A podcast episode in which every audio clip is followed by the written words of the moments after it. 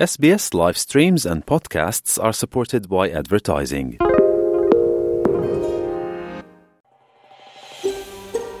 شما با پروگرام دری رادیوی اسپیس هستید گزارشات عالی را در sbs.com.au دری پیدا کنید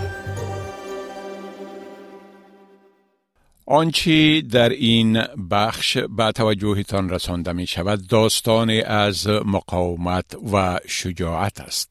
ارکستر زهره یک گروه تماما زنانه با تسلط طالبان از افغانستان تبعید و اعضای آن مجبور به جدایی از همدیگر شدند. بسیاری آنها به اروپا فرار کردند در حالی که دیگران قبلا در استرالیا مسکنگزین شده بودند. استعدادهای آنها بر علاوه موارد دیگر در محفل به مناسبت هفته پناهندگان که در آن توانستند آزادانه پارچه های اجرا کنند مورد تقدیر قرار گرفت و این کار است که آنها دیگر در کشور زادگاهشان انجام داده نمی توانند. رازی اصغری زمانی که فقط یازده سال داشت به ارکستر زهره پیوست و علاقهش به موسیقی او را در مسیر عمدتا غیر مرسوم برای زنان در جامعه سنتی افغانستان قرار داد. این گروه با هم به سرتاسر سر جهان سفر و کنسرت های اجرا کردند.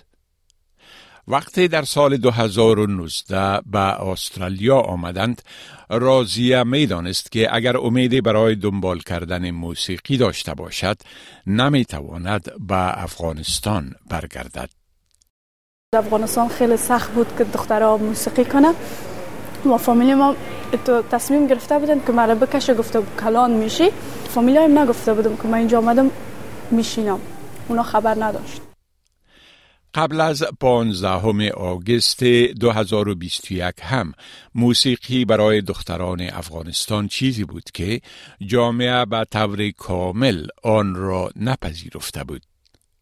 پس از تسلط طالبان این آزادی به طور کامل سلب شد. کل شاگردا اینا خوشبختانه بر آمدن در افغانستان نماندن.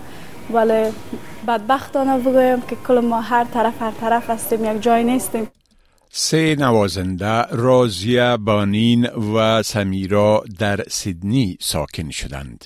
اگان دفعه مو هوا هوای موسیقی که در افغانستان داشتیم همو میایه. دیگه احساس خوشایند است. ولی در پولویش یکم احساس ناراحتی هم است که وقت زیادتر بوده.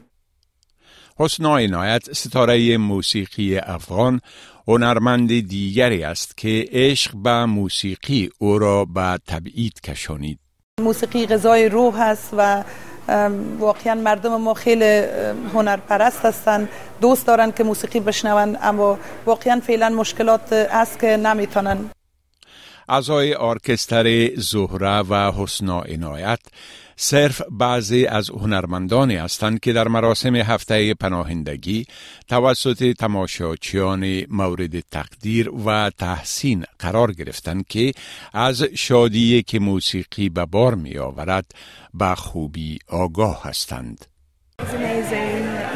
It's amazing. Yeah, very privileged to be able to have shared this experience tonight. Yeah. And I think just celebrating freedom of expression um, for people who have fought so, so hard to be here. People of Afghanistan have gone through this uh, stage of life back in the 1990s and um, they didn't give up and uh, they came back and performed better and better.